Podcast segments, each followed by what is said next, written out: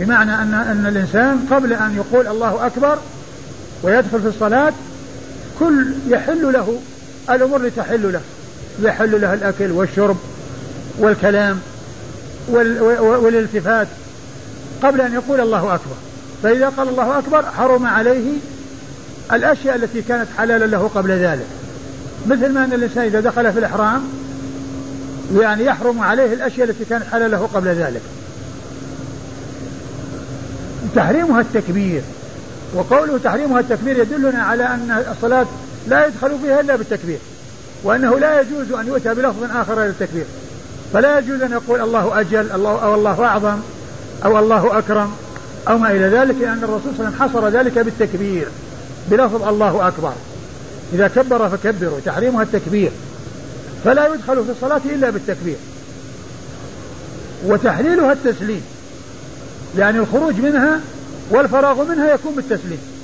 قبل أن يوجد التسليم الإنسان في الصلاة. وهذا يعارض ما تقدم الحديث السابق الذي هو غير صحيح. وكذلك يعارض ما جاء عن آه، آه، الحنفية أنه إذا يعني لم يبقى إلا التسليم وإنه إذا أتى بالتشهد والصلاة على الرسول صلى الله عليه وسلم وحصل له الحدث فإنه يعني تكون صلاته قد قد تمت وصلاته صحيحة وأنه يخرج منها بغير التسليم.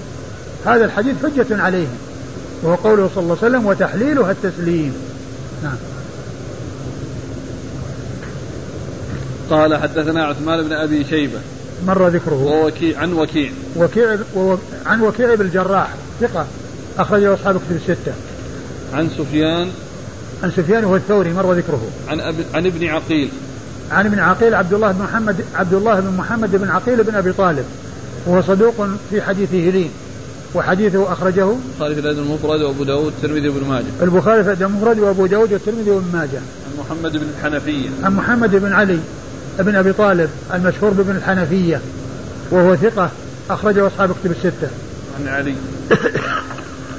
عن علي بن أبي طالب أمير المؤمنين ورابع الخلفاء الراشدين الهادي المهديين صاحب المناقب الجمة والفضائل الكثيرة رضي الله عنه وأرضاه وحديثه عند أصحاب كتب الستة. قال رحمه الله تعالى باب ما يؤمر به المأموم من اتباع الإمام. قال حدثنا مسدد قال حدثنا يحيى عن ابن عجلان قال حدثني محمد بن يحيى بن حبان عن ابن محيريز عن معاوية بن أبي سفيان رضي الله عنهما أنه قال قال رسول الله صلى الله عليه وآله وسلم لا تبادروني بركوع ولا بسجود فإنه مهما أسبقكم به إذا ركعت تدركوني به إذا رفعت إني قد بدنت بدنت ثم ورد أبو داود رحمه الله هذه الترجمة وهي باب ما يؤمر به المأموم من متابعة الإمام يعني في متابعته يعني كونه يعني يأتي بالأفعال بعده. والأحوال التي تكون بين الإمام والمأموم من حيث آه، متابعته أربعة أشياء مسابقة وتخلف وموافقة ومتابعة. هذه أمور أربعة. الأحوال التي تجري من المأموم مع الإمام إما أن يسابق الإمام أو يتخلف عن الإمام أو يتابع الإمام أو يوافق الإمام. والمتابعة والمسابقة والتخلف والمتابعة كلها يعني آه، لا تفعل. وقد قال العلماء إن المسابقة والتخلف محرمة لأنها تنافي الائتمام وأما الموافقة فهي مكروهة. وأما المتابعة فهي السنة. وذلك أن المسابقة كونه يركع قبل ركوع الإمام. التخلف يتخلف عن الإمام يعني يفرغ من الركوع وهو ما ركع. الموافقة معه تماما لا يتقدم ولا يتأخر. المتابعة يعني بعدما يدخل أو يشرع الإمام في الركن يتابعه فيه.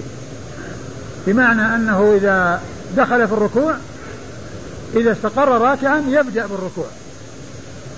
لا يركع معه يساويه. يعني بحيث لا يسبقه الإمام بل الإمام يسبق الناس. وهذا يأتي وراءه من غير تأخير. يأتي وراءه من غير تأخير. لا يوافقه ولا يتأخر عنه. ولا يسابقه بل يتابعه.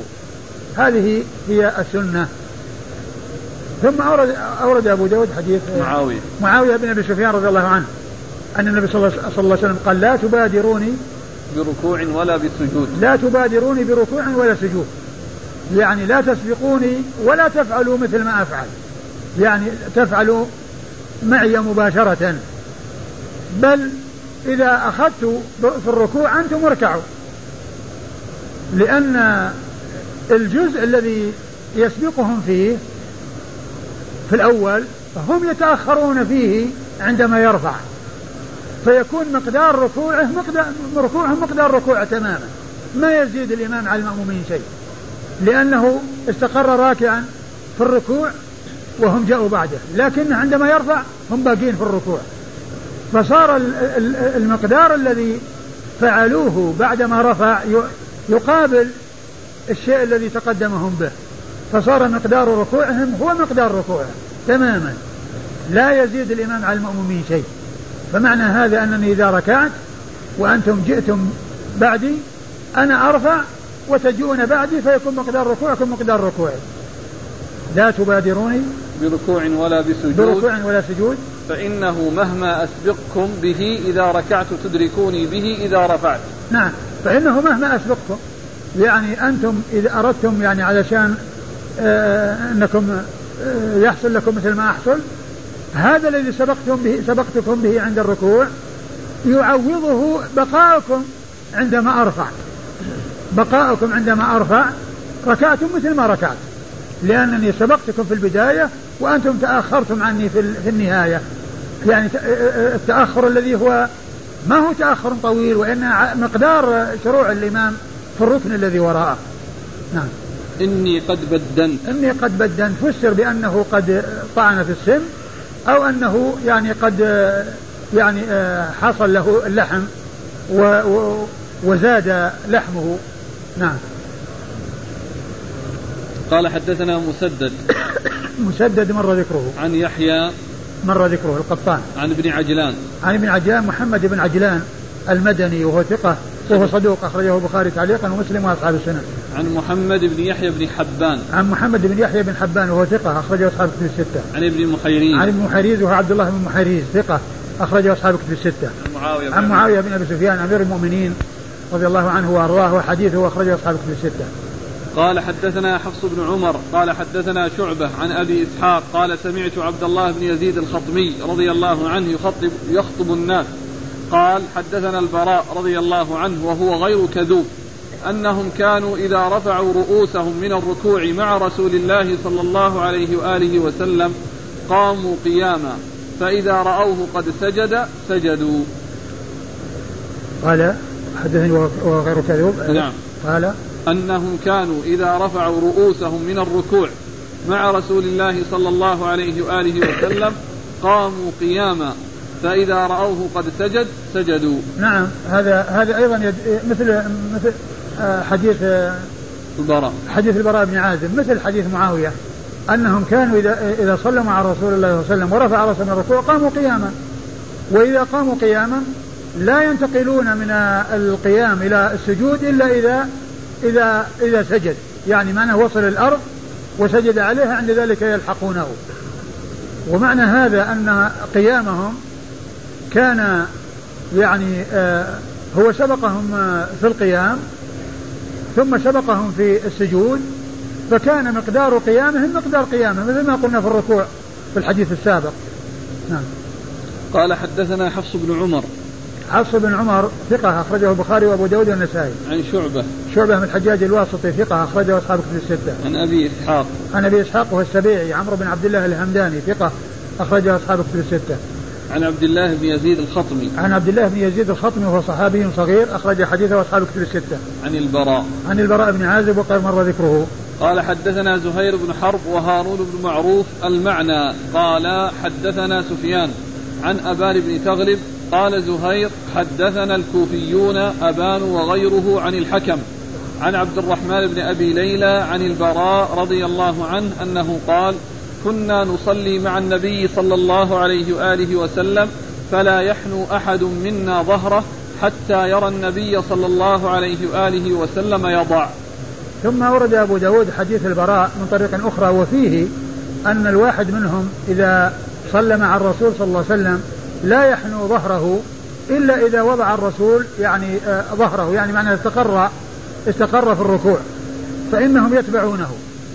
يعني لا يفعلون مثل ما يفعلون آه في الزمن مثل فعله وفي الوقت مثل فعله بل يتأخرون عنه قليلا الذي هو المتابعة. فلا فيبقون واقفين حتى يستقر في الركوع. وهذا فيما إذا كان الإمام يرى. أما إذا كان لا يرى إذا انقطع صوته. إذا انقطع صوته ينتقلون إلى إلى إلى الركوع إذا كان ركعة نعم. قال حدثنا زهير بن حرب. زهير بن حرب هو أبو خيثمة ثقة أخرجه أصحاب الكتب الستة إلا الترمذي. وهارون بن معروف. وهارون بن معروف إيش قال عنه؟ ثقة أخرجه البخاري ومسلم وأبو داود. ثقة أخرجه البخاري ومسلم وأبو داود. المعنى المعنى يعني أن المتفقون في المعنى مختلفون في اللفظ. قال حدثنا سفيان. سفيان الثوري سفيان بن عيينة ثقة أخرجه أصحاب الكتب الستة. عن أبان بن تغلب عن أبان بن تغلب وهو؟ ثقة أخرجه مسلم وأصحاب السنن. أخرج ثقة أخرجه مسلم وأصحاب السنن. قال زهير حدثنا الكوفيون أبان وغيره. يعني أن لفظ زهير قال حدثنا الكوفيون أبان وغيره. هذا هو لفظ زهير. ففي ذكر أبان وغير وغير أبان وأبهموا ولكن أبان هو الذي نص عليه وأيضا ذكر أنهم كوفيون نعم عن الحكم الحكم بن عتيبة الكندي الكوفي ثقة أخرجه أصحاب الكتب الستة. عن عبد الرحمن عن عبد الرحمن بن أبي ليلى ثقة أخرجه أصحاب الكتب الستة. عن البراء البراء وقد مر ذكره. قال حدثنا ربيع بن نافع قال حدثنا أبو إسحاق يعني الفزاري عن أبي إسحاق عن محارب بن دثار أنه قال سمعت عبد الله بن يزيد رضي الله عنه يقول على المنبر حدثني البراء رضي الله عنه أنهم كانوا يصلون مع رسول الله صلى الله عليه وآله وسلم. فإذا ركع ركعوا وإذا قال سمع الله لمن حمده لم نزل قياما حتى يروه قد وضع جبهته بالأرض ثم يتبعونه صلى الله عليه وآله وسلم. ثم ورد حديث البراء من أخرى وفيه متابعتهم للرسول صلى الله عليه وسلم. وأنهم يركعون إذا ركع ويسجدون إذا سجد وإذا سجد لا يسجدون حتى يصل إلى الأرض ويضع جبهته على الأرض. نعم. قال حدثنا الربيع بن نافع عن أبي إسحاق. الربيع بن نافع مر ذكره عن أبي إسحاق. يعني الفزاري. يعني الفزاري وهو إبراهيم بن محمد بن الحارث. ثقة أخرج إبراهيم بن محمد بن الحارث. إبراهيم بن محمد. إيه؟ إبراهيم محمد بن محمد بن الحارث ثقة أخرجه أصحاب كتب الستة. عن أبي إسحاق. عن أبي إسحاق السبيعي مر ذكره. لا. من هو؟ هذا أبو إسحاق الشيباني سليمان بن أبي سليمان. هذا نص عليه في تحفة الأشراف. تحفة الأشراف؟ أي. من هو؟ أبو إسحاق سلي... إيش؟ أبو إسحاق الشيباني. اسمه سليمان بن أبي سليمان. نعم. أبو إسحاق الشيباني سليمان بن أبي سليمان وهو ثقة أخرجه أصحاب الكتب. نعم. وهو ثقة أخرجه أصحاب الكتب الستة. عن محارب بن دثار. محارب بن دثار ثقة أخرجه أصحاب الكتب الستة. لأن هناك أبو إسحاق يروي مباشرة عن عبد الله بن يزيد. إيه هنا يروي عن محارب بن دثار عن عبد الله بن يزيد إيه لا بس ما دام إنه نص عليه في الاشراف هذا هو هو المعتبر والا مسألة الرواية قد يروي بواسطة وبغير واسطة. عن عبد الله بن يزيد عن البراء. عن عبد الله بن يزيد عن البراء وقد مر ذكرهما. قال رحمه الله تعالى باب باب التشديد في من يرفع قبل الإمام أو يضع قبله. قال حدثنا حفص بن عمر قال حدثنا شعبة عن محمد بن زياد عن أبي هريرة رضي الله عنه أنه قال قال رسول الله صلى الله عليه وآله وسلم أما يخشى أو ألا يخشى أحدكم إذا رفع رأسه والإمام ساجد أن يحول الله رأسه رأس حمار أو صورته صورة حمار. ثم ورد أبو داود رحمه الله ترجمه التشديد في ذلك يعني في عدم المتابعة والمسابقة وحصول المسابقة. يعني إذا ما وجدت المسابقة إذا ما وجدت إذا ما وجدت المتابعة ولكن وجد مسابقة. فذلك لا يجوز. وورد فيه تحذير وورد فيه وعيد شديد. من هو الصحابي؟ أبو هريرة. أبو هريرة؟ أي أورد فيه أبو داود حديث أبي هريرة رضي الله عنه. قال أما أما يخشى أو ألا يخشى الذي يرفع رأسه قبل الإمام أن يجعل الله أن يجعل الله رأسه رأس حمار أو صورة صورة حمار. يعني ألا يخشى أن يعاقبه الله عز وجل بأن يحول صورته إلى هذه الهيئة الكريهة التي يعني آه، آه، من آه، لحيوان يعني وصف صوته بأنه أنكر الأصوات. وصف صوته بأنه أنكر الأصوات.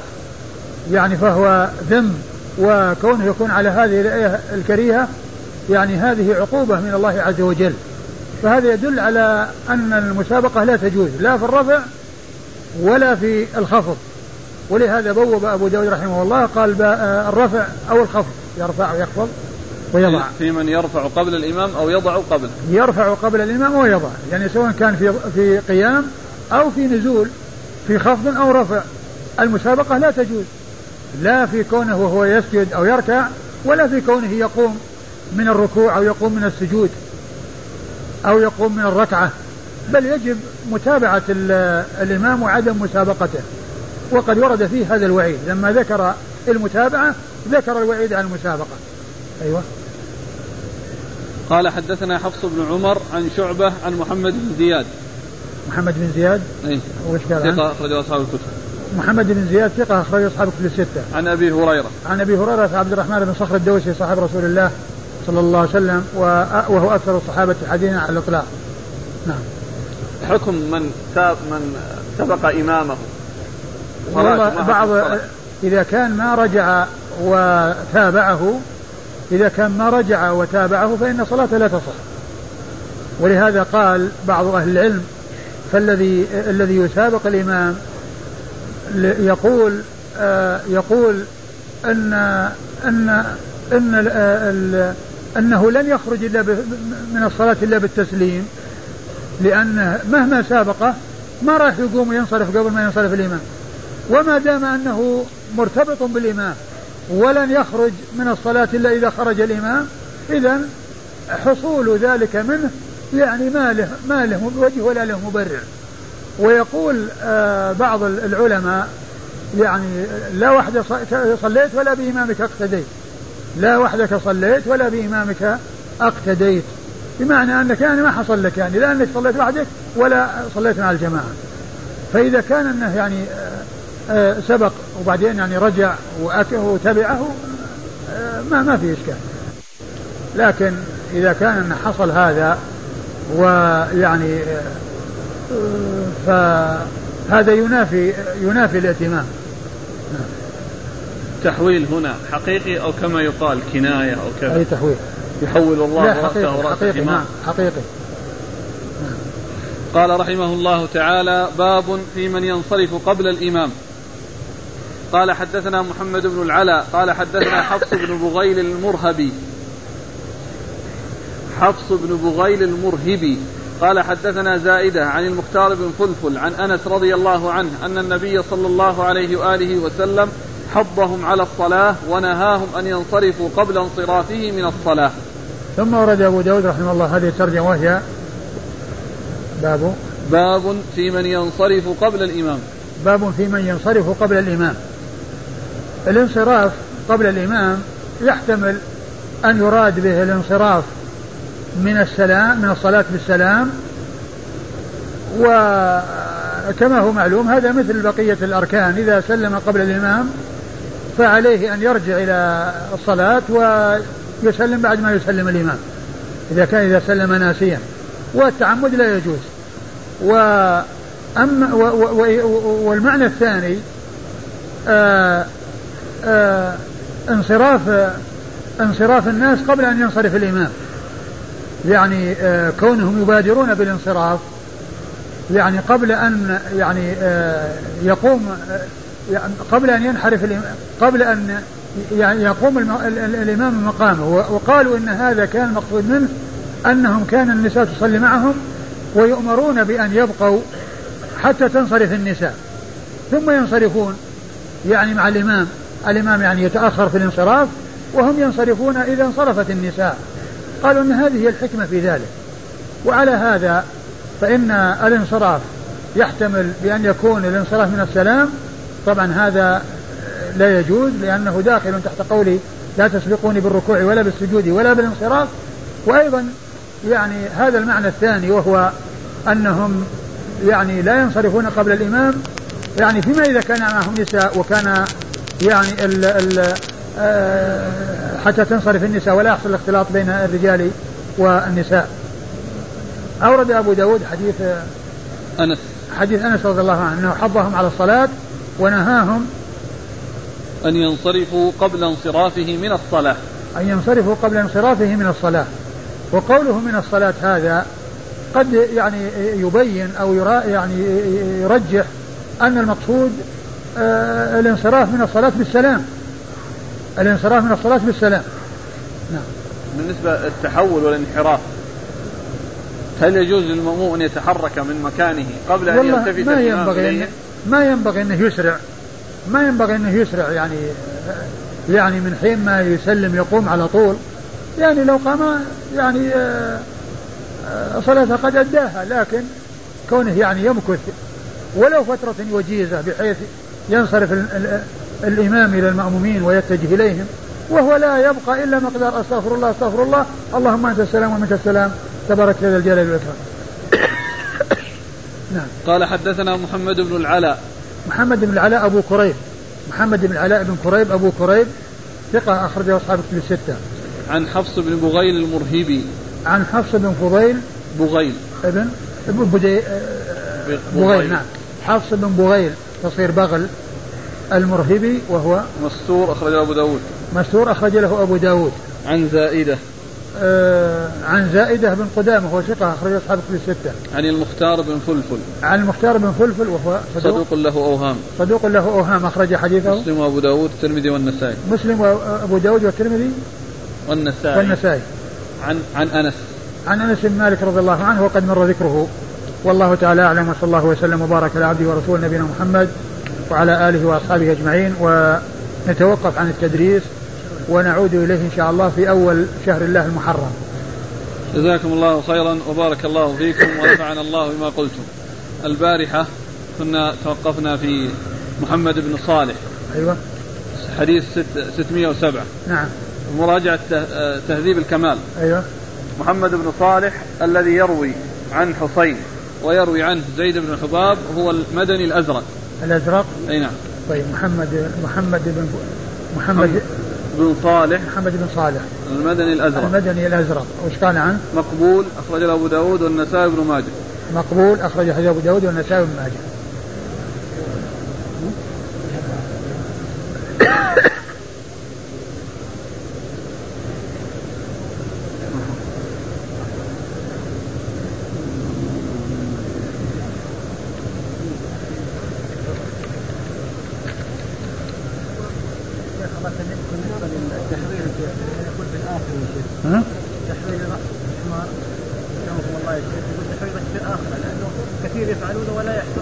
على كل يعني المهم إن العقو... إن التوعد موجود. والله على كل شيء قدير. وهو قال أما يخشى؟ ومعلوم إنه يعني ما دام إنه توعد بهذا الوعيد الواجب هو عدم عدم المسابقة. هل يجوز الدخول مع الإمام بنية تحيه المسجد وهو يصلي بالناس التراويح؟ إي نعم. الإنسان إذا دخل المسجد ما يروح يصلي تحية المسجد ثم بعد ذلك يدخل مع الإمام. وإنما يدخل مع الإمام وهي وتكون تحية المسجد. إذا أقيمت الصلاة فلا صلاة إلا المكتوبة فهل يجوز قطع صلاة النافلة؟ ومتى إذا كان يكون إذا كان في آخرها يتمها خفيفة وإذا كان في أولها يقطعها.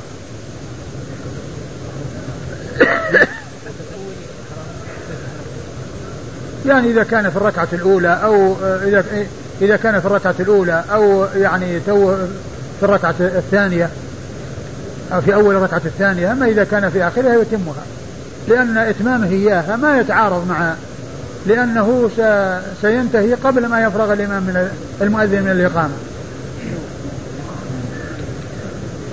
قول النبي صلى الله عليه وسلم في أول حديث قوموا فلأصلي لكم. يعني طلبوا هل هم أصلا طلبوا منه الصلاة؟ يحتمل يحتمل أن يكون طلبوه لهذا الغرض وأنه يعني أراد أن ينصرف وأراد أن يعني يلبي غرضهم ويحتمل أن يكون يعني أراد أن يعلمهم وأن تكون يعني النساء التي لا لا يرينه ولا يعني يحصلنهن الوقوف وراءه في الصلاة يعني بحيث إنه يعني يحصل لهن مشاهدته عليه الصلاة والسلام وهو يصلي بالناس والعدد قليل. يعني المرأة ليس بينها وبين الرسول صلى الله عليه وسلم إلا نفرين واحد كبير وواحد صغير.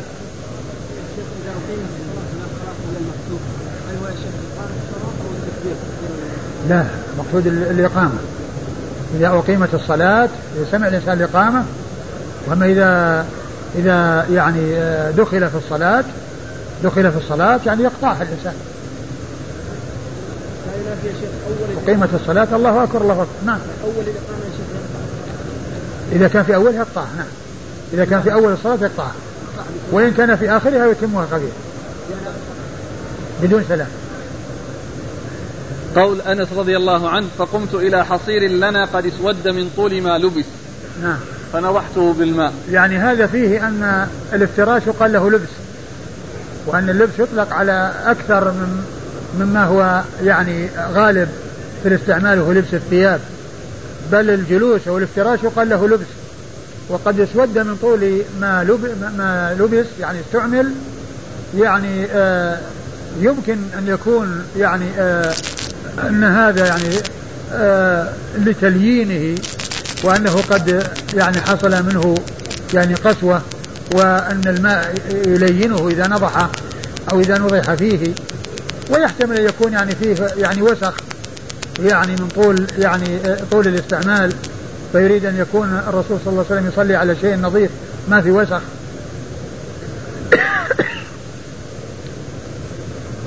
إن كان الطفل غير مميز. لا يعتبر وجوده مثل عدم إذا كان غير مميز لا لا يعتبر يصف به. لا يكون صفا مع شخص واحد. يقول هل تجوز الصلاة فوق السطح من المسجد الحرام علما بأن السطح العلوي في المك في مكة أعلى من الكعبة؟ حتى اللي دون السطح أعلى من الكعبة. يعني قضية الناس يستقبلون الكعبة سواء كانوا أعلى منها أو أخفض منها. يجوز ولو كانوا أعلى منها. يقول يا فضيلة الشيخ حفظك الله أنا زائر من أمريكا وأريد منكم أن تدعو لي تدعو لي واسأل الله لي أن يقوي حفظي وفهمي ويرفع ويرزقني الجنة نسأل الله عز وجل أن يوفقنا وإيا وإياك والحاضرين وجميع المسلمين للتوفيق لما تحمد عقباه في الدنيا والآخرة آمين. آمين. من كان يدعو بدعاء وتحول الإمام إلى ركن آخر من أركان الصلاة. هل يقطع الدعاء أم يكمله ثم يدرك الإمام؟ آه، الدعاء يعني كما هو معلوم إذا كان أنه طويل طبعا لا يكمله. وإذا كان أنه قصير أو أنه يعني كلمتين أو ثلاث يأتي بها وذلك لا يعني آه، لا يؤخره. ما حكم بيع ما حكم بيع ماء زمزم؟ الإنسان إذا ملك الماء له أن يبيعه. يعني إذا إذا إذا إذا أتى به بسيارته مثل مثل مثل المياه الأخرى. إذا يعني آه، حازه بسيارته أو في حوضه أو في آه، خزانه فله أن يبيعه.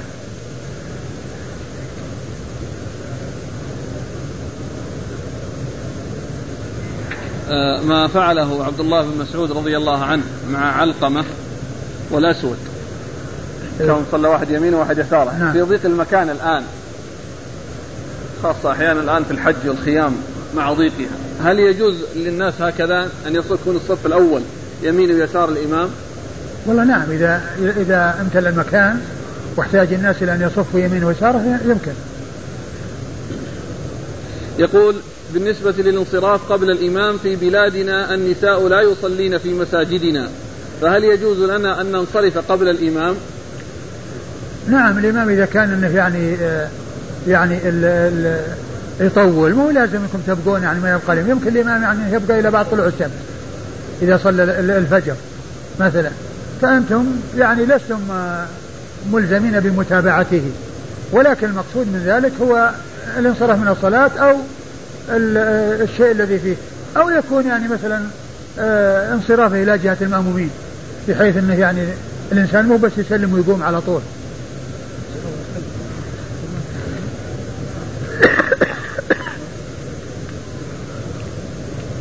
يقول هل يجوز إخراج الأرز الذي ما زالت التي ما زالت القشور عليه باقية ولم تنقى في زكاة الفطر؟ لا ما يجوز. وإنما يعني حتى ينقى وحتى يعني يكون آه، صافي. يعني مثل السنبل يعني كونه يصير في سنبله ليس الإنسان يخرج شيء في سنبله وإنما شيء يعني آه، قد أخرج من سنبله. أما إذا كان يعني أشياء قليلة وما إلى ذلك هذا أمر سهل. الإمام إذا انحرف. إلى المأمومين. هل يعطي القبلة ظهره أو ينحرف انحراف؟ والله هو الذي يبدو الذي يبدو أنه يعطي القبلة ظهره يستدبر القبلة ويستقبل الناس.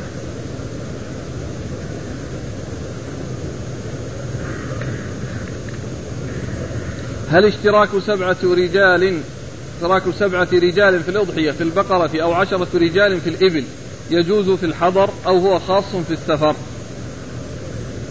في الحضر؟ وش الذي خص في السفر الأضحية الأضحية والهدي كلها يشترك فيها. وال في, في الإبل البقرة عن سبعة والبدنة عن سبعة. وسواء كان الناس في حضر أو كانوا في سفر. العجيب يقول سبعة سبعة في البقرة وعشرة في الإبل. لا عشرة ما فيه سبعة. هل وضع اليدين على الصدر بعد الركوع سنة؟ نعم جاء ما يدل عليه وهو أن النبي أن النبي صلى الله عليه وسلم إذا كان قائما في الصلاة وضع اليمين على الشمال وأحوال المصلي أربعة فهو إما قائم وإما راكع وإما ساجد وإما جالس هذه أحوال المصلي في الصلاة والقيام يكون قبل الركوع وبعده والسجود آه، والجلوس يكون بين السجدتين وفي التشهد آه، التشهد الأول والأخير وقوله إذا كان قائما في الصلاة يشمل ما قبل الركوع وما بعد الركوع. وبعض أهل العلم يقول أنه لا يضع يديه بعد الركوع لأن الذين وصفوا صلاة الرسول صلى الله عليه وسلم بالتفصيل ما تعرضوا للتنصيص على فعل بعد الركوع. لكن ما دام جاء حديث عام يدل بعمومه على دخول ذلك فإنه يكون سنة. قول عبد الله بن يزيد الخطمي عن البراء وهو غير كذوب. قول إيش؟ ها؟ قول إيش؟ عبد الله بن يزيد الخطمي. نعم, نعم. عن البراء وهو غير هذا ليس هذا ليس تعديل وتوثيق. يعني و يعني الصحابة رضي الله عنهم عدول ولا يحتاجون إلى تعديل أحد. ولكن المقصود من هذا هو التأكيد. هو التأكيد يعني أن الذي أخبركم عنه يعني هو عن هذا الشخص وثقوا بأن الكلام الذي يحدثكم به أنه حق وصدق. وهذا من جنس قول الصحابي حدثنا رسول الله صلى الله عليه وسلم وهو الصادق المصدوق. فهو صادق مصدوق ولو لو, لو ما قيل.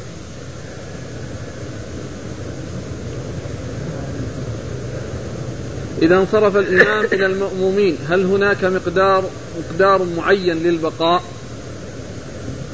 متى؟ بعد ال بعد ال بعد, بعد إذا انصرف الإمام إلى المأمومين. هل هناك مقدار ما معين؟ ما فيه إلا كونه يعني يأتي بالذكر بعد الصلاة والتسبيح وبعد ذلك إن شاء أن يبقى بقي وإن شاء أن يقوم قام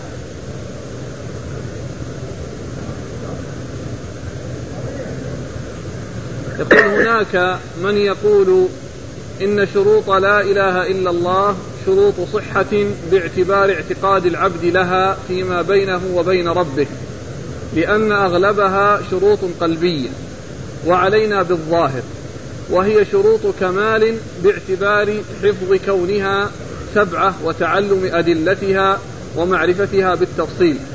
فما رأيكم في هذا؟ آه الظاهر نعم الناس ما لهم إلا الظاهر. الناس لا لا يعرفون إلا الظاهر. المسلم يعني آه، بما ظهر لهم منه يعني يحكمون عليه. والبواطن علمها عند الله.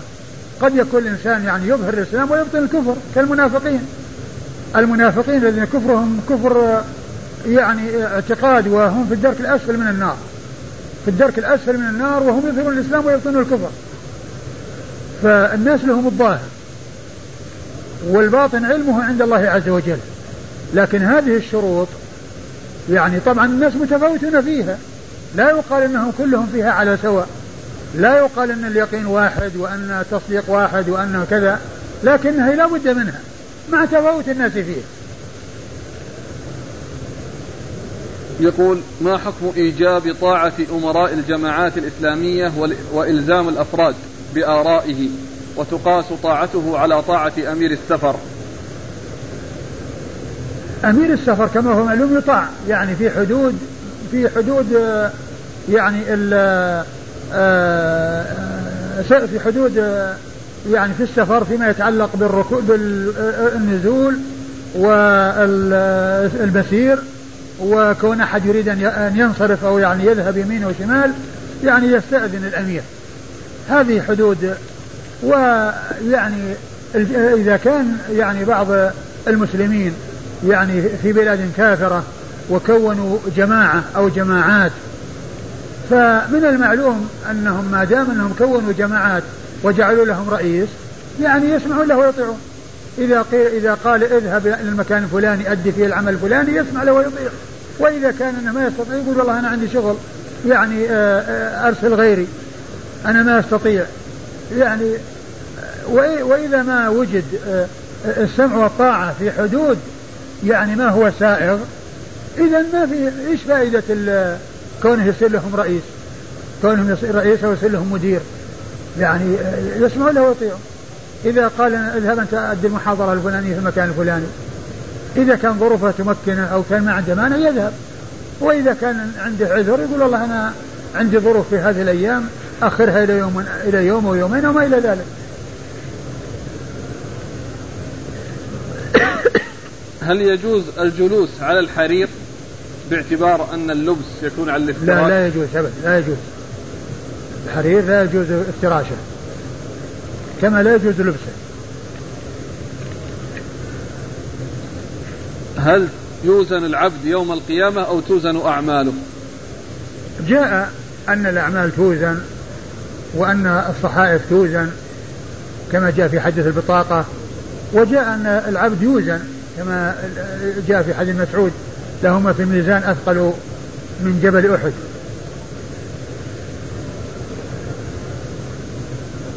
هل الأفضل للإنسان أن يصلي في المسجد النبوي وإن فاتته بعض الركعات أم يصلي في مسجد في مسجد لا تفوته أي ركعة؟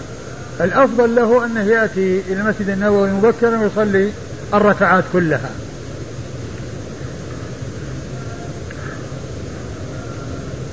الذكر بين السجدتين مستحب أو واجب؟ لا واجب، بعض العلماء يقول مستحب. مثل السجود والركوع. من أتى بعمرة في أشهر الحج وأراد الحج ما هو النسك الأولى أن يفعله الأولى للإنسان عندما يحرم يذهب للحج أن يكون متمتعا دائما وأبدا هذا هو الأولى وهذا هو الأفضل سواء أتى بعمرة في أشهر الحج أو لم يأتي. إذا أتى بعمرة تصير عمرة ثانية عمرة التمتع. إذا كان سافر من بلده. جزاكم الله خيرا وبارك الله فيكم ونفعنا الله بما قلتم.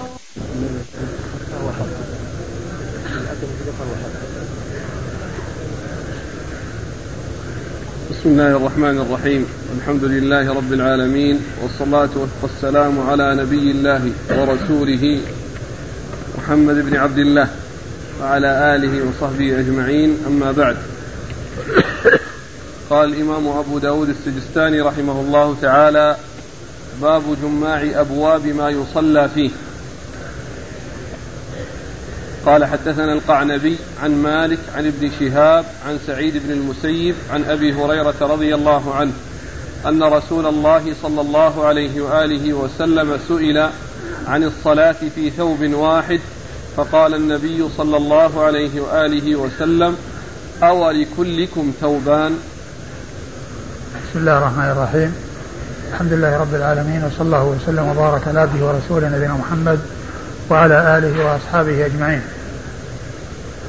أما بعد يقول ابو أبو داود السجستاني رحمه الله تعالى باب جماع أو جماع أبواب ما يصلى فيه. يعني أن هذه الأبواب التي ستأتي تتعلق بالثياب التي يصلى فيها. يعني ما الثياب التي يصلى فيها هذه الأبواب تتعلق بها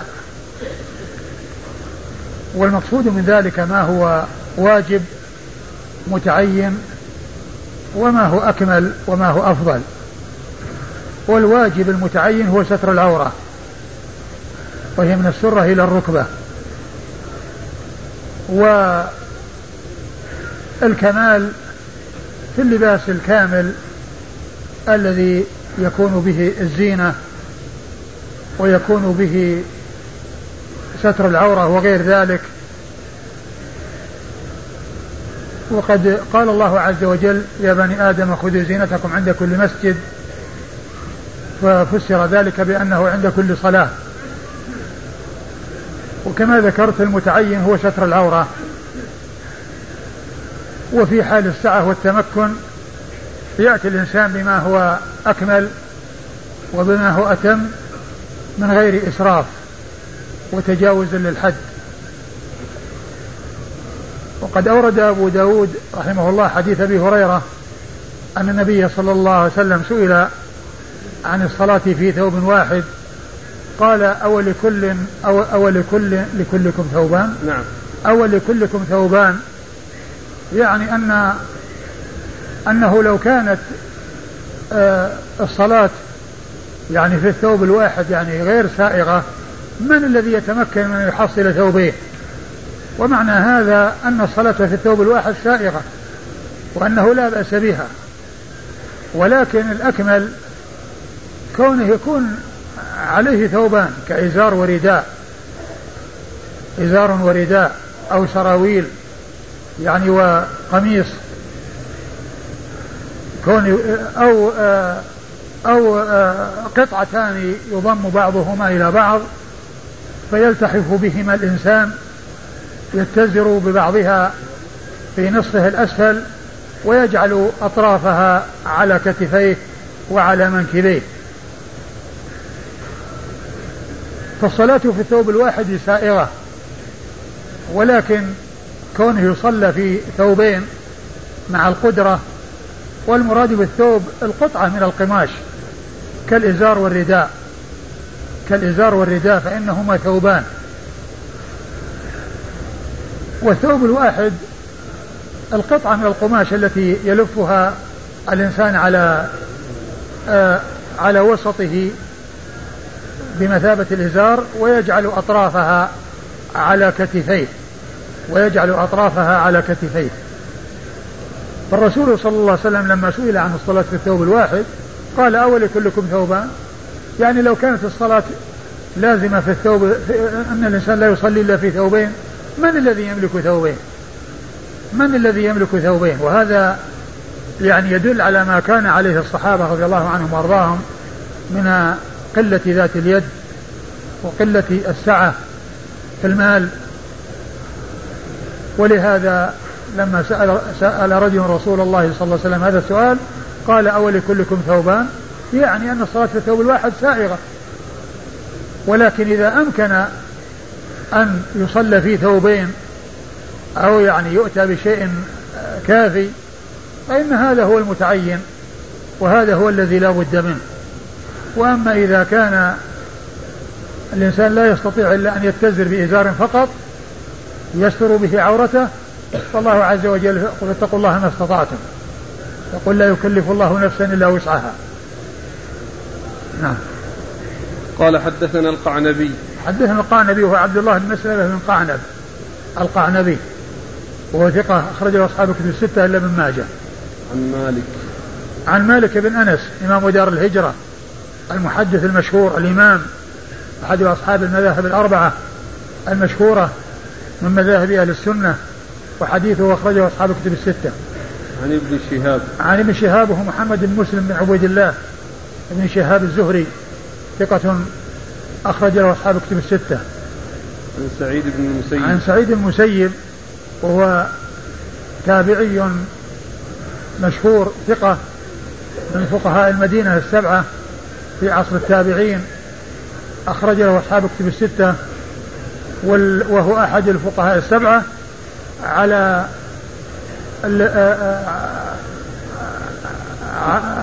هو من من هو من الستة الذين لا خلاف فيهم.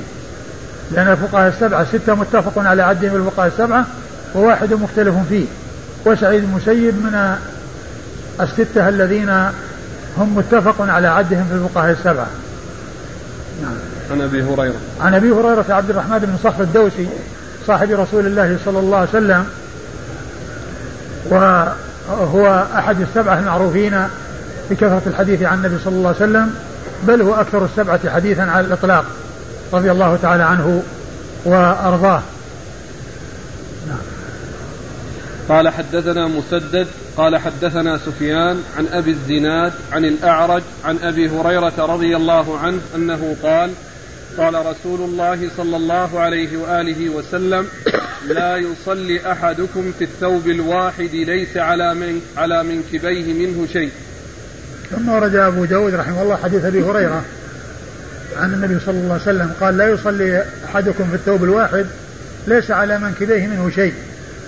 يعني أنه إذا صلى في ثوب واحد يعني يتزر ب يعني يتزر به فإنه يجعل طرفيه على منكبيه وهذا إذا أمكن ذلك أما إذا كان الثوب لا يكفي إلا للإزار فإنه يتزر به فقط ولا يجعل على كتفيه منه شيء. لكن مع القدرة ومع السعة ومع مع إمكان أن يكون على عاتقيه منه شيء أو على منكبيه منه شيء يجعل على منكبيه منه شيء.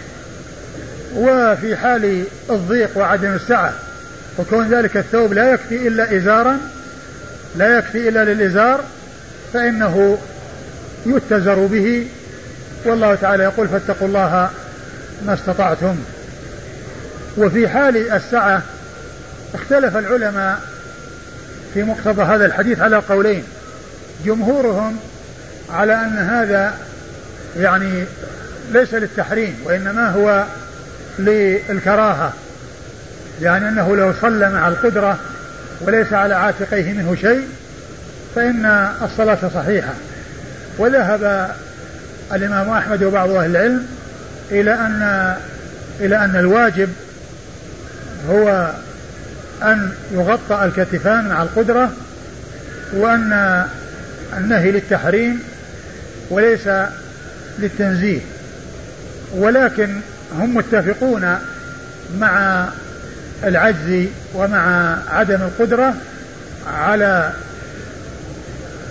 آه، استعمال الثوب أو تحصيل الثوب الذي يكون على العاتقين منه شيء بحيث لا يكفي إلا للإزار ولا يمكن أو ولا يكفي أن يجعل منه على العاتقين أو على كتفين شيء فإن ذلك سائغ وهذا شيء هو المقدور عليه. والله تعالى يقول فاتقوا الله ما استطعتم ويقول لا يكلف الله نفسا إلا وسعها. نعم.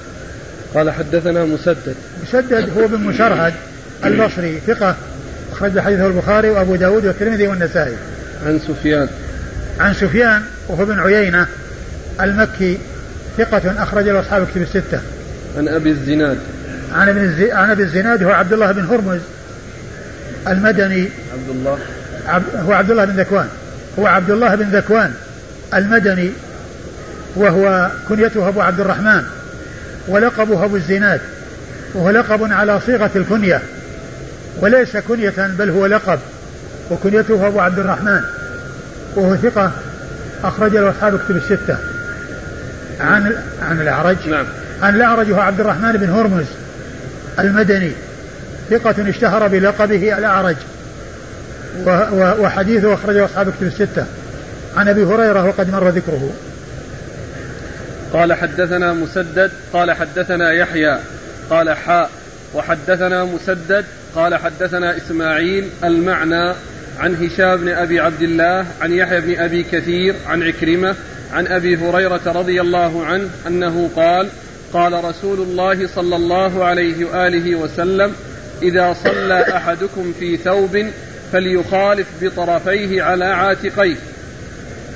ثم ورد أبو داود حديث أبي هريرة رضي الله تعالى عنه وهو مثل الذي قبله إذا صلى أحدكم في ثوب يعني واحد فليخالف بطرفيه على عاتقيه يعني أنه يتزر به ويجعل أطرافه ينسفها على عاتقيه يجعل أطرافه على عاتقيه بحيث يكون يعني أسفله أعلاه كل منهما مستور لأن هذا هو الأكمل وهذا هو الأفضل وهو واجب عند بعض أهل العلم مع القدرة على ذلك وغير واجب مع العجز فإنه يسقط الوجوب. إذا صلى أحدكم في ثوب فليخالف بطرفيه على عاتقيه. فليخالف بطرفيه على عاتقيه يعني أنه يجعل آه الذي يأتي من الجهة اليمنى يذهب إلى اليسرى. والذي يكون من جهة اليسرى يذهب إلى اليمنى وهذا هو المخالفة. قال حدثنا مسدد عن يحيى. مسدد هو مسرهد يحيى هو بن سعيد القطان البصري ثقة أخرج له أصحاب كتب الستة. قال حاء وحدثنا مسدد عن إسماعيل. ثم قال حاء وهي للتحول والتحويل من إسناد إلى إسناد. ومسدد يروي عن إسماعيل. وإسماعيل هو ابن إبراهيم مقسم المشهور بابن علية وهو ثقة أخرج له أصحاب كتب الستة. قال المعنى. قال المعنى وهذه كلمة يستعملها أبو داود رحمه الله عندما يذكر طريقين يذكر بعد الطريقين هذه الكلمة المعنى يعني أن هاتين الطريقتين هاتين الطريقين متفقان بالمعنى يعني مختلفان في الألفاظ. يعني المعنى واحد والألفاظ مختلفة. فهذا هو معنى هذه الكلمة المعنى. يعني أن الطريقة الأولى والطريقة الثانية معناهما واحد ولكن ألفاظهما مختلفة. عن هشام بن أبي عبد الله. هشام بن أبي عبد الله هو الدستوائي وهو ثقة أخرج له أصحاب كتب الستة. عن يحيى بن أبي كثير. عن يحيى بن أبي كثير اليمامي وهو ثقة. أخرج له أصحاب كتب الستة. عن عكرمة. عن عكرمة هو لابن عباس وهو ثقة أخرج له أصحاب كتب الستة. عن أبي هريرة. عن أبي هريرة وقد مر ذكره. هل جاءت رواية بالإفراد على عاتقه؟ أظنه جاء جاء نعم على عاتقه إنه شيء جاء. فبالتالي الإمام أحمد يرى الوجوب ستر العاتقين أو يكفي العاتق الواحد. لا يكفي العاتق الواحد. يكفي العاتق الواحد. يعني صلاة المضطبع. صلاة المضطبع صحيحة. عند, لأن عند لأن الإمام أحمد. لأن عاتقه أحد العاتقين عليه شيء. أحد العاتقين عليه شيء. قال حدثنا قتيبة بن سعيد قال حدثنا الليث عن يحيى بن سعيد عن أبي أمامة بن سهل عن, عن عمر بن أبي سلمة رضي الله عنهم أنه قال رأيت رسول الله صلى الله عليه وآله وسلم يصلي في ثوب واحد ملتحفا مخالفا بين طرفيه على منكبيه. ثم ورد أبو داود حديث عمر بن أبي سلمة رضي الله عنه أنه قال رأيت النبي صلى الله عليه وسلم يصلي في ثوب واحد ملتحفا. يعني ملتحفا به يعني ملتفا به آه، مخالفا طرفيه على منكبيه. يعني طرفي الثوب لأنه متزرا ببعضه والطرفان قد خالف بينهما على منكبيه. قد خالف بينهما على منكبيه. وهو مثل حديث أبي هريرة المتقدم الذي فيه أنه إذا صلى أحدكم في ذو واحد فليخالف بين طرفيه على منكبيه. هو بمعنى ذلك الحديث المتقدم. نعم. قال حدثنا قتيبة بن سعيد. قتيبة بن سعيد هو ابن جميل بن طريف البغلاني وهو ثقة. أخرج له أصحاب الكتب الستة. عن الليث. عن الليث بن سعد المصري ثقة فقيه أخرج له أصحاب الكتب الستة. عن يحيى بن سعيد. عن يحيى بن سعيد وهو الأنصاري وهو المدني ثقة أخرجه أصحاب الكتب الستة. عن أبي أمامة بن سهل. عن أبي أمامة بن سهل بن حنيف واسمه أسعد وهو معدود في الصحابة له رؤية ولكن ليس له رواية. عن النبي صلى الله عليه وسلم وحديثه أخرجه أصحاب الكتب الستة. عن عمر بن أبي سلمة. عن عمر بن أبي سلمة سبط آه، آه، آه، ربيب رسول الله صلى الله عليه وسلم ابن أم سلمة زوج النبي صلى الله عليه وسلم وهو صحابي صغير أخرج حديثه أصحاب كتب الستة قال حدثنا مسدد قال حدثنا ملازم بن عمرو الحنفي قال حدثنا عبد الله بن بدر عن قيس بن طلق عن أبيه رضي الله عنه أنه قال قدمنا على نبي الله صلى الله عليه وآله وسلم فجاء رجل فقال يا نبي الله ما ترى في الصلاة في الثوب الواحد؟ قال فأطلق رسول الله صلى الله عليه وآله وسلم إزراره طارق به. فأطلق إزاره. فأطلق رسول الله صلى الله عليه وآله وسلم إزاره طارق به. هكذا؟ في رواية. طارق له طارقا له. هنا طارق به. أيوه. به. أي نعم. والرواية الثانية وش هي؟ له. له. آه. يعني يبدو كلهن مستقيمات يعني طارقا له يعني على على الثاني أو طارق به على الآخر. يعني كل منهما مستقيم. فأطلق رسول الله صلى الله عليه وآله وسلم إزاره طارق به طارق به رداءه فاشتمل به ماء ثم قام فصلى بنا نبي الله صلى الله عليه وآله وسلم فلما أن قضى الصلاة قال أو كلكم يجد ثوبين؟ ثم ورد أبو داود حديث طلق بن علي اليمامي رضي الله عنه أنهم وفدوا إلى رسول الله صلى الله عليه وسلم قال وفدنا. قدمنا على قد نبينا. نعم قدمنا على رسول الله صلى الله عليه وسلم فسأله رجل عن الصلاة هل يصلي الرجل في ثوب واحد؟ فأطلق رسول الله صلى الله عليه وسلم إزاره ففارق به على إزاره يعني جعلهما يعني مع بعض. يعني مسامة بعضهما لبعض كأنهما ثوب واحد. فيعني التحفا أو إيش؟ نعم فاشتمل به فاشتمل به اشتمل به مثل التحف به. يعني اشتمل بهما يعني بالاثنين. يعني معناها أنه جعلهما ثوبا واحدا بمثابة الثوب الواحد. يعني بمعنى أنه جعل هذا ملتصق بهذا أو مطبق على هذا. يعني كأنهما يعني هما ثوبان وكأنهما ثوب واحد. يعني من جهة آه، وضعه بعضهما على بعض. لم يجعل واحد إزار والثاني رداء. وإنما يعني طرق هذا على هذا ثم اشتمل بهما وقال أول أو كلكم يجد ثوبين. يعني ما في يعني ليس كل يجد ثوبين. ولو كان الثوب أو الصلاة بالثوب الواحد يعني يعني لا تجوز من منكم يجد ثوبين. يعني وذلك لقلة يدهم قلة يعني ما بأيديهم رضي الله تعالى عنهم وأرضاهم. يعني معناه أن الإنسان إذا كان عنده ثوبان يستعملهما وإذا كان ما عنده إلا ثوب واحد فيكفيه واتقوا الله ما استطعتم. وإن كان الثوب الواحد لا يكفي إلا لستر عورته يستر به عورته وإن كان يكفي, يكفي لستر العورة وأن يضاف أو ينسف على الكتفين أو على أحدهما منه شيء فعل ذلك. نعم. قال حدثنا مسدد قال حدثنا ملازم بن عمرو الحنفي. ملازم بن عمرو الحنفي ملازم بن عبد الله ملازم بن عمرو بن عبد الله بن بدر الحنفي وهو صدوق أخرج حديثه أصحاب السنن. عن عبد الله بن بدر. عن عبد الله بن بدر الحنفي وهو ثقة أخرجه أصحاب السنن. نعم. ثقة أخرجه أصحاب السنن. عن قيس بن طلق بن علي وهو صدوق أخرج له أصحاب السنن. عن طلق بن علي الحنفي صاحب رسول الله صلى الله عليه وسلم وحديثه أخرجه أصحاب السنن.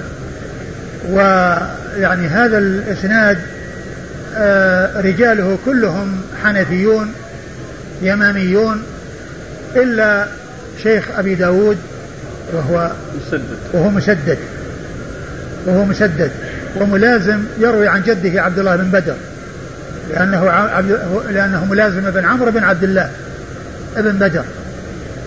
نعم. قال رحمه الله تعالى باب الرجل يعقد يعقد الثوب في قفاه ثم يصلي. قال حدثنا محمد بن سليمان الأنباري قال حدثنا وكيع عن سفيان عن أبي حازم عن سهل بن سعد رضي الله عنهما أنه قال لقد رأيت الرجال عاقدي أزرهم في أعناقهم من ضيق الأزر. لقد رأيت الرجال عاقدي أزرهم في أعناقهم من ضيق الأزر خلف رسول الله صلى الله عليه وآله وسلم كأمثال الصبيان. فقال قائل يا معشر النساء لا ترفعن رؤوسكن حتى يرفع الرجال. ثم أورد أبو داود رحمه الله هذه الترجمة وهي الرجل يعقد الثوب في قفاه ثم يصلي. الرجل يعقد الثوب في قفاه ثم يصلي. يعني أنه إذا كان ما عنده إلا إزار واحد وليس عنده رداء فإنه يعقد يعني طرفيه على يعني آه، يعقد في طرفيه في عنقه ثم يصلي. يعني وهذا مثل ما تقدم كون الإنسان يعني آه، إذا كان الثوب واحدا فإنه يجعل على طرفيه منه شيء. وإذا كان يعني ضيقا ولم يمكن وضعه على العاتقين إلا بالعقد يعني من وراء الرأس لأنه لو يعني لقصره لو وضعه على منكبه لسقط لأنه لا يعني يستقر إلا بالعقد ولا يبقى على الكتفين إلا بالعقد فإنه يعقده حتى يكون على أكمل هيئة. وقد أورد أبو داود رحمه الله حديث سهل بن سعد. سهل بن سعد الساعدي رضي الله عنه. قال رأيت رأيت رأيت الرجال عاقدي أزرهم في أعناقهم من ضيق الأزر. رأيت الرجال عاقدي أزرهم في أعناقهم من ضيق الأزر يعني سبب ضيق الأزر يعني جعلهم يعقدون آه، أزرهم في أعناقهم كالصبيان. وليست الأزر يعني طويلة بحيث يتزر ببعضها ثم يبقى منها شيء كثير ينسف على الكتفين. وإنما الأزر قصيرة فهم يشدونها على الوسط ولا يبقى منها إلا قليل لا يستقر بوضعه على الكتف فيحتاجون إلى عقده من وراء الرأس ومن وراء الرقبة حتى يعني يبقى. قال قائل منهم يا, يا معشر النساء لا ترفعن رؤوسكن يعني إذا صلينا مع الرجال حتى يرفع الرجال رؤوسهم يعني حتى لا تنكشف عورة أحد منهم فيطلعون عليها. نعم. قال حدثنا محمد بن سليمان الأنباري. محمد بن سليمان الأنباري صدوق أخرج حديثه أبو داود وحده. عن وكيع. عن وكيع بن الجراح الرؤاسي الكوفي ثقة أخرج له أصحاب كتب الستة. عن سفيان. عن سفيان بن سعيد بن مسروق الثوري ثقة فقيه وصف بأنه أمير المؤمنين في الحديث. وحديثه أخرجه أصحاب كتب الستة. عن أبي حازم. عن أبي حازم وهو سلمان. أخرج حديثه. سلمان. سلمان الأغر. من هو؟ من هو؟ فيه أبو حازم اثنان. ها؟ أقول ما يكون سلمة بن دينار. سلمة بن دينار يعني متأخر. الطبقة الخامسة. مات في خلافة منصور يعني وهذا يروي عن سهل بن سعد. الذي يبدو أنها سلمان الذي هو من الطبقة الثالثة.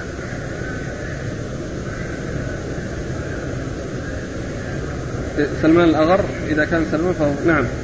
الطبقة الثالثة ذاك من الخامسة ذاك مات في خلافة منصور والمنصور يعني خلافته يعني فوق 150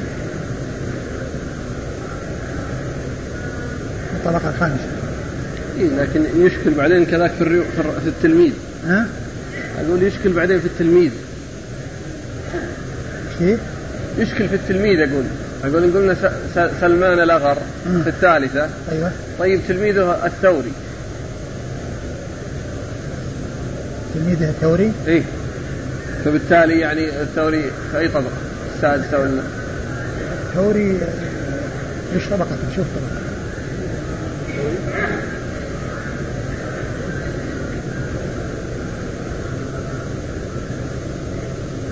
رؤوس من رؤوس السابعة رؤوس السابعة؟ أي الرؤوس السابعة فأقول يعني إذا نظرنا كذا نعم يشكل إذا كان يعني إذا كان سلمة بن دينار يعني يعني سهل بن سعد متى توفي؟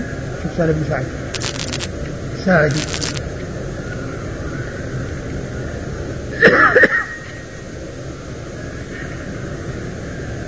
ثمان وثمانين. وقيل بعدها وقد جاوز المئة. ثمان وثمانين؟ إيه. و... وهذا اللي هو سلمان سلمة بن دينار. كم عمره؟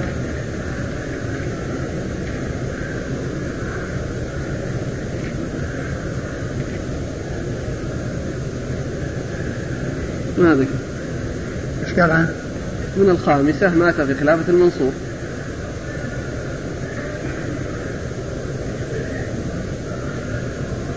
والله إذا كان أنها يعني كأنه عمر يعني يمكن.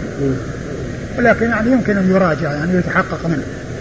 يعني أيهما هذا ولا هذا؟ لكن, لكن هذا اللي في الطبقة الثالثة يعني بعيد عن سفيان الثوري. هذاك من رؤوس السابعة. نعم. قال عن سهل بن سعد. عن سهل بن سعد الساعدي رضي الله عنه صاحب رسول الله صلى الله عليه وسلم وحديثه أخرجه أصحاب الكتب الستة وكنيته أبو العباس. ويقال إنه ليس في الصحابة من يكنى بأبي العباس إلا اثنان هما سهل بن سعد هذا وعبد الله بن عباس. رضي الله تعالى عنهما فإن كنيته أبو العباس. قال رحمه الله تعالى باب الرجل يصلي في ثوب واحد بعضه على غيره. قال حدثنا أبو الوليد الطيالسي قال حدثنا زائدة عن أبي حصين عن أبي صالح عن عائشة رضي الله عنها أن النبي صلى الله عليه وآله وسلم صلى في ثوب واحد بعضه علي. ثم أورد أبو داود هذه ترجمة الرجل يصلي في ثوب واحد بعضه على غيره. يعني معناها أن أنه قد اتزر به وطرف منه يعني يكون على غيره يعني ممن هو نائم بجواره أو جالس بجواره. وقد أورد أبو داود رحمه الله حديث عائشة رضي الله عنها أن النبي صلى الله عليه وسلم صلى في ثوب واحد طرفه علي. وقوله طرفه علي يعني هذا هو المقصود بقوله طرفه على غيره أو بعضه على غيره. وجاء في بعض الروايات وهي حائض. وهذا يدل على أن يعني الصلاة بجوار الحائض أنها صحيحة أو بقرب الحائض يعني كون الإنسان يصلي بقرب الحائض أو يعني بعض ثوبه يمس الحائض. وفيه دليل على أن ثياب الحائض طاهرة يعني إلا أن إلا المكان الذي فيه النجاسة أو ما وقع فيه نجاسة. لأن كونها بجوار رسول الله صلى الله عليه وسلم وبعض ثوبه وهو يصلي وقع عليها يعني يدل على طهارة ثيابها إلا ما كان فيه نجاسة من الدم فهذا هو الذي يعتبر نجسا.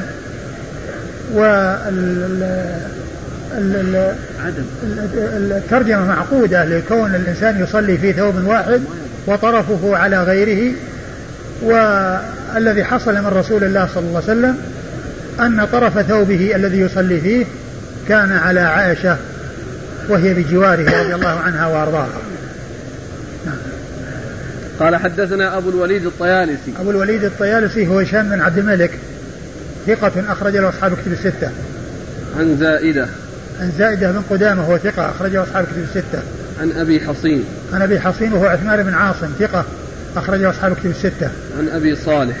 عن أبي صالح وهو ذكوان السمان اسمه ذكوان ولقبه السمان ويقال الزيات وكنيته أبو صالح وهو مشتهر بكنيته وهو مدني ثقة أخرج حديثه أصحاب كتب الستة. عن عائشة عن عائشة أم المؤمنين رضي الله تعالى عنها وأرضاها الصديقة بنت الصديق وهي من أوعية السنة وحفظتها وقد أنزل الله براءتها في قرآن يتلى ومع ذلك تتواضع لله عز وجل وتقول ولشأني في نفسي أهون من أن ينزل الله تعالى في آيات آه، آيات تتلى وهي واحدة من سبعة أشخاص عرفوا بكثرة الحديث عن النبي صلى الله عليه وسلم. ستة رجال وامرأة واحدة.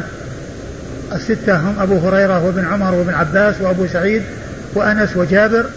وامرأة واحدة هي أم المؤمنين عائشة. رضي الله تعالى عنها وأرضاها. والله تعالى أعلم وصلى الله وسلم وبارك على عبده ورسوله نبينا محمد وعلى آله وأصحابه أجمعين. ثم نحب أن ننبه للإخوان الذين كانوا يأخذون مساعدات يعني آه، عليهم أن يحضروا غدا وأن يصلوا العصر في مسجدنا لأنه سيوزع أحد المحسنين سيوزع يعني عليهم يعني بعض النقود. فالذي لم يحضر يبلغه من حضر لأنه إذا لم يحصل الحضور في ذلك الوقت معناه يفوته يفوته تفوته القسمة أو يفوته الحصول على شيء إذا لم يحضر في ذلك الوقت لأنه ليس هناك أحد يأخذ عن أحد وإنما كل يأخذ بنفسه. وتكون الصلاة في المسجد العصر في المسجد الذي نصلي فيه في حي الفيصلية هناك. نعم. لا لا يعني بيجون بكرة جزاكم الله خيرا وبارك الله فيكم ونفعنا الله بما قلتم ثم ثم أيضا يعني كل واحد يعني يأتي بالجواز أو أو الإقامة. يعني حتى يعني يعرف شخصه وأنه ليس شخصا آخر. الذي يأخذ ليس شخصا آخر. قول النبي صلى الله عليه وسلم لا يصلي أحدكم في الثوب الواحد. النهي قلتم الجمهور حملوه على الكراهة. الصارف. الله عليك والله ما أعلم له صارف. يعني أقول ما أعلم له صارف إلا أن يكون يعني مثلا كون يعني الحديث الذي سبق أن مر أن الرسول لما طابق بينهما يعني ما فيه يعني شيء أنه وضع على عاتقيه منه شيء. اشتمل بهما. نعم إذا كان الاشتمال يفسر بأنه يعني يضع على عاتقه منه شيء يعني يصير يصير ما يعني يعني ما يصير ليس بصارف لكنه محتمل. طيب.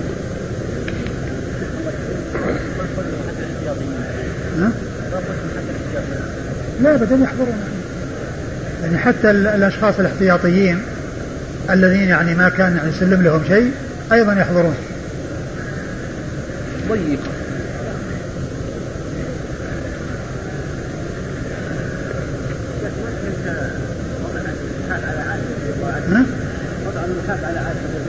يعني طرفة. أقول طرفة يعني يعني هذا واضح فوق ها؟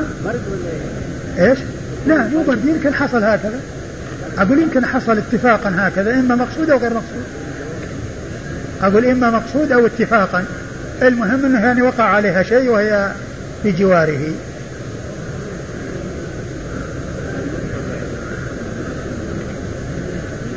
إلا يشمل لأن في بعض لأن في بعض الروايات على عاتقه أو على أحد عاتقيه منه شيء. الكوميسيون يعني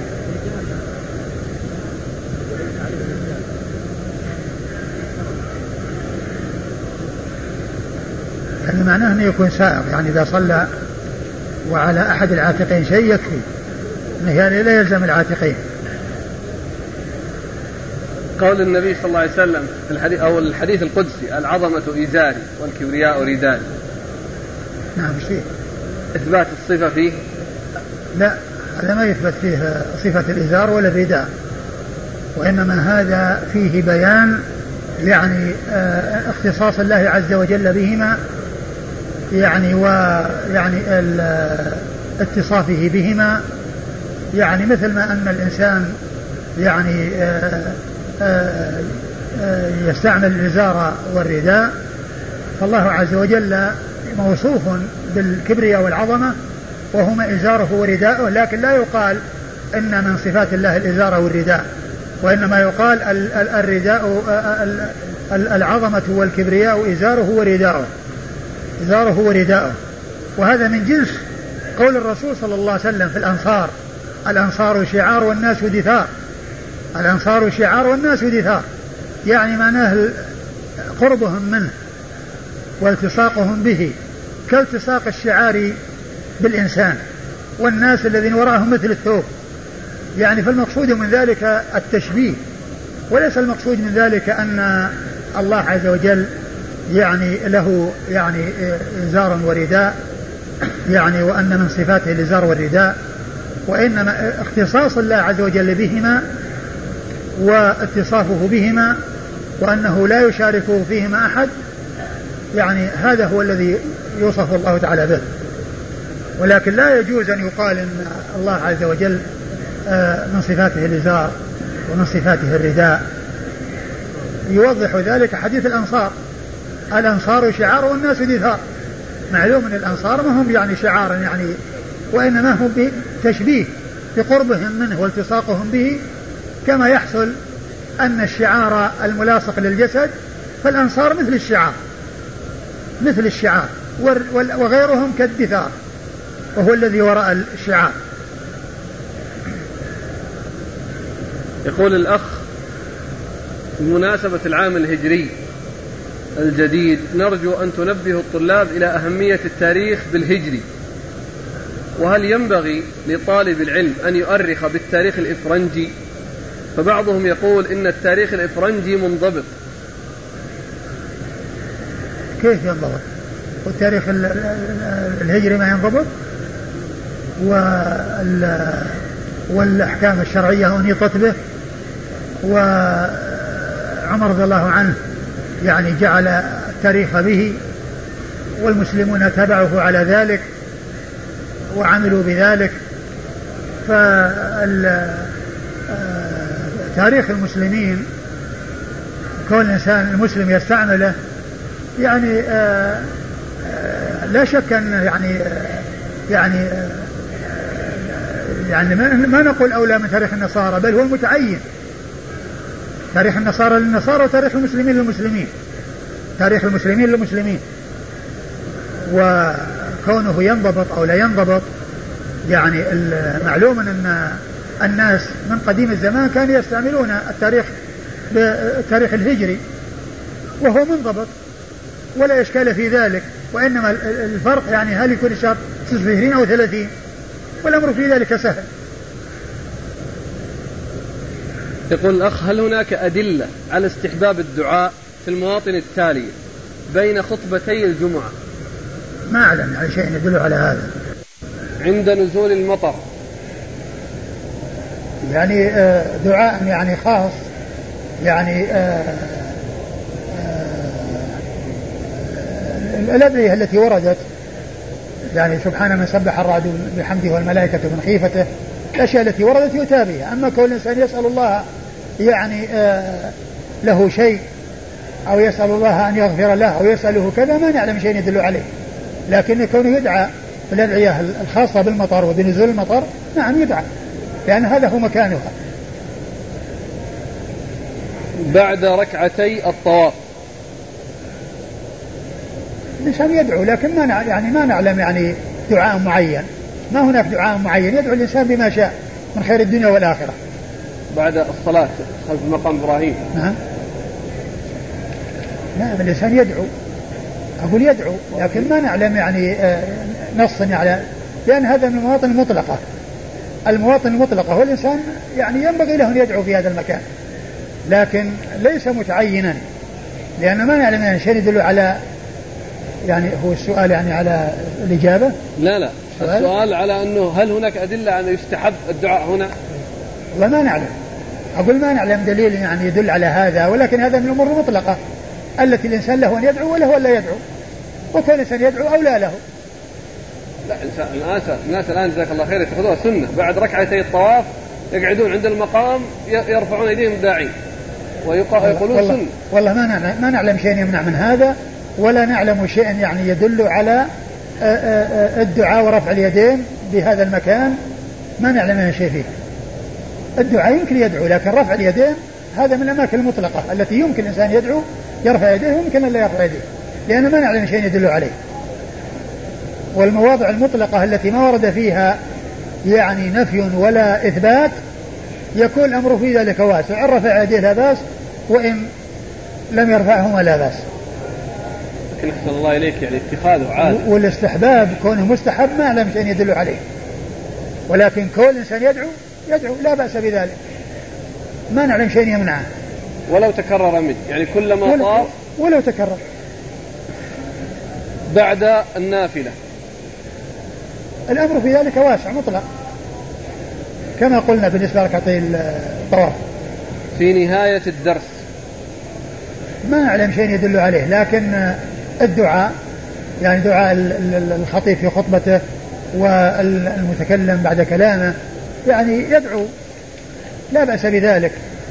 وقد جاء عن بعض السلف يعني ما يدل على ذلك مثل ما جاء في في البخاري في آخر يعني آخر حديث في باب في آخر كتاب الإيمان. حديث جرير بن عبد الله البجلي لما توفي المغيرة بن شعبة وهو أمير على الكوفة قام وخطب الناس. وقال يا أيها الناس آه، آه، استغفروا لأخيكم ويعني واصبروا حتى يأتيكم أمير. ثم نزل ثم قال أستغفر الله لي ولكم ونزل. أستغفر الله لي ولكم ونزل. دعا.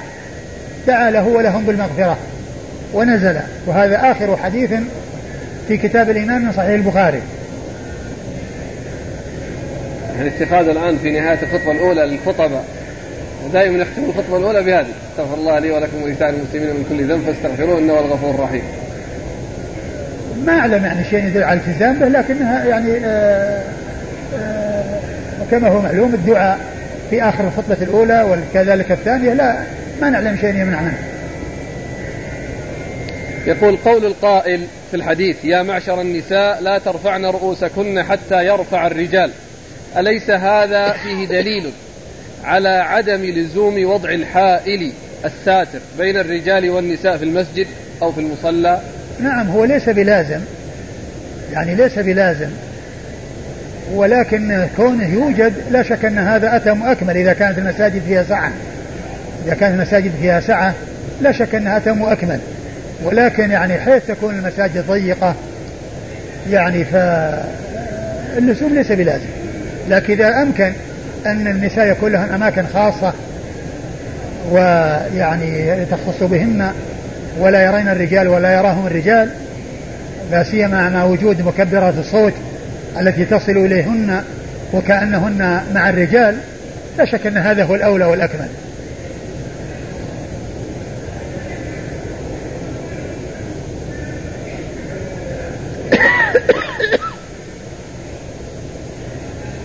هل في هذا الحديث الحديث قبل الأخير حديث سهل بن سعد فيه دليل على أن انكشاف العورة من الأسفل لا يضر المصلي؟ الإنسان عليه أن يستر عورته على قدر طاقته. وإن حصل انكشاف غير مقصود لا لا يؤثر. بسبب ضيق الحال وقلة المال.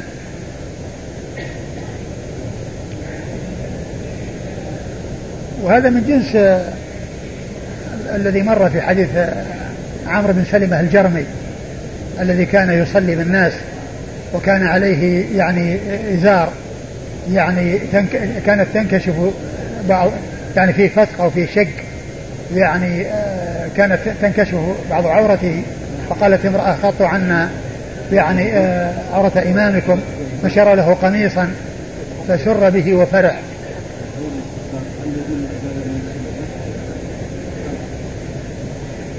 يقول هل يمكن إطلاق هل يمكن الإطلاق على أن العبادة فيها أحكام كحكم الإباحة؟ بحديث صلوا قبل المغرب وفي الثالثة قال لمن شاء. وقد استدل به بعض الأصوليين في باب الإباحة. يعني عبادة مباحة يقال عبادة مباحة. بس ما استوى الطرفين. أقول ما المباح هو الذي يستوي طرفاه. وهنا الصلاة يعني آه، أفضل. وأولى. يعني معناه هذا حكم يعني فيه تخيير وليس فيه إلزام ولكن من صلى لا شك أنه أفضل أفضل من لم يصلي. ومن صلى حصل أجرا ومن لم يصلي ليس عليه إثم ولكنه فاته خير كثير. فالقضية ما في هناك تساوي الطرفين والمباح تساوى فيها الطرفين الفعل والترك. لا بس أصل القاعدة خل يعني هل يمكن؟ ما يصلح هذا الاستدلال. لا القاعدة القاعدة هذا المثال هل يمكن الاطلاق على عبادة بأنها مباحة؟ ما اذكر ما أذكر أنها يعني يستوي فيها الطرفان. يعني آه الفعل والترك. العبادة هنا كما هو معلوم يعني آه الفعل فيها مقدم على الترك. هذا الأخ يقول الحديث الذي فيه نهي النساء عن رفع رؤوسهن قبل الرجال لكي لا يقع نظرهن على عورات الرجال. هل يصح أن يستدل به على أن مسجد الرسول صلى الله عليه وسلم لم يكن منفصلا باستتار؟ اي نعم. أقول يدل على هذا. ما في يعني ما في يعني يدل على ما في حاجز. ولهذا جاء في الحديث خير صفوف الرجال أولها وشرها آخرها. وخير صفوف النساء آخرها وشرها أولها. لأن شر الصفوف قريب من شر الصفوف. الصف الأول للنساء يعني يلي آخر صفوف الرجال. فهذا شر الصفوف وهذا شر الصفوف. وما وما كان أبعد اللي هو الصف الأول للرجال وآخر الصفوف للنساء. يعني هذا يدل على أنه ما في حاجز ولا في ساتر. ومن المعلوم أن عدم وجود الحواجز إذا كثر الرجال يعني اختصوا بالمسجد. اختصوا بالمسجد. والنساء يعني لا يكون لهن نصيب. يعني المسجد لو امتلأ من الرجال. فهم, فهم أحق به. لكن يعني إذا جعل أماكن خاصة للنساء يعني النساء تأتي إلى هذا هذه الأماكن وسواء امتلأ المسجد ولا ما امتلأ المسجد. يقول في فجر يوم النحر بمزدلفة. صلينا مع الإمام في المشعر الحرام وكنا متقدمين عن الإمام إلى جهة القبلة. فما حكم صلاتنا؟ والله لا يجوز الإنسان صلاة الإمام المأموم قدام الإمام. لا تصح. لا تصح الصلاة. الذي يظهر أن مثل هذا عليه أن يعيد. عليه أن يعيد الصلاة ما دام أنها أمام الإمام. هذا يقول أجهل أعمال العمرة حتى لبس الإحرام. فعلمني بعض الناس ذلك ثم ذهبت إلى مكة إلا أنني عدلت عدلت عن دخول الحرم المكي وأداء العمرة. عدلت يعني. كان في عام 1410 والسؤال ماذا علي الآن؟ الذي دخل في عمرة يجب عليه أن يكملها. إذا كان نوى العمرة ويعني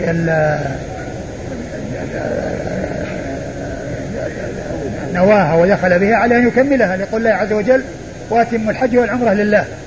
ولا يجوز للإنسان أن يتخلى عنها عن العمرة أو الحج بعد الدخول فيها. ليس له ذلك. و وإذا كان الإنسان يعني قد اعتمر بعد ذلك يعني فقد يعني فعل الشيء الذي يعني الذي كان تركه. وإذا لم يعتمر فعليه أن أن يذهب ويعتمر. عليه أن يذهب ويعتمر. وإذا كان يعني متزوجا عليه أن يذبح شاة. لكونه جامع وهو يعني متلبس في نسك. طيب هذا لو لو عقد تزوج من 1410 1419 لو عقد النكاح.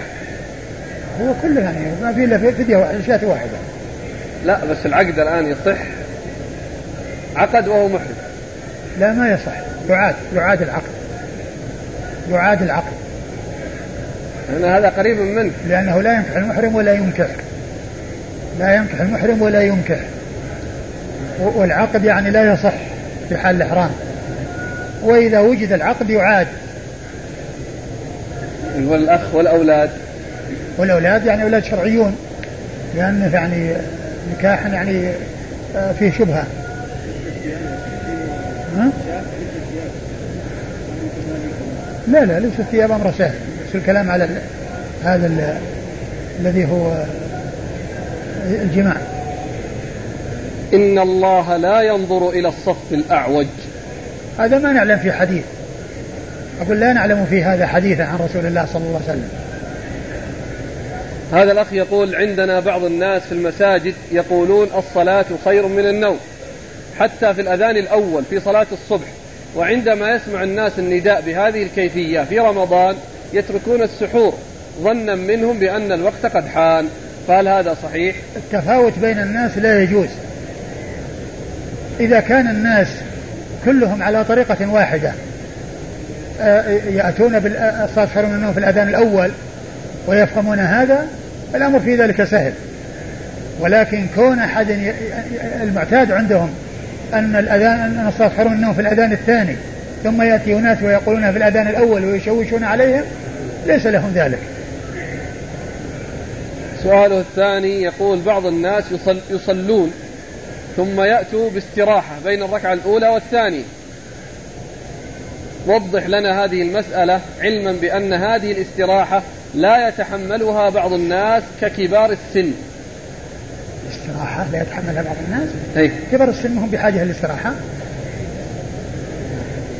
كبار السن هم اللي يبون الاستراحة. يعني إيش كيف السؤال؟ كأنه اللي يفهمه أن هذا إمام يستريح بعد الركعة واللي خلف المأمومين الكبار السن زعلانين من إمامه ليش تستريح؟ قم مباشرة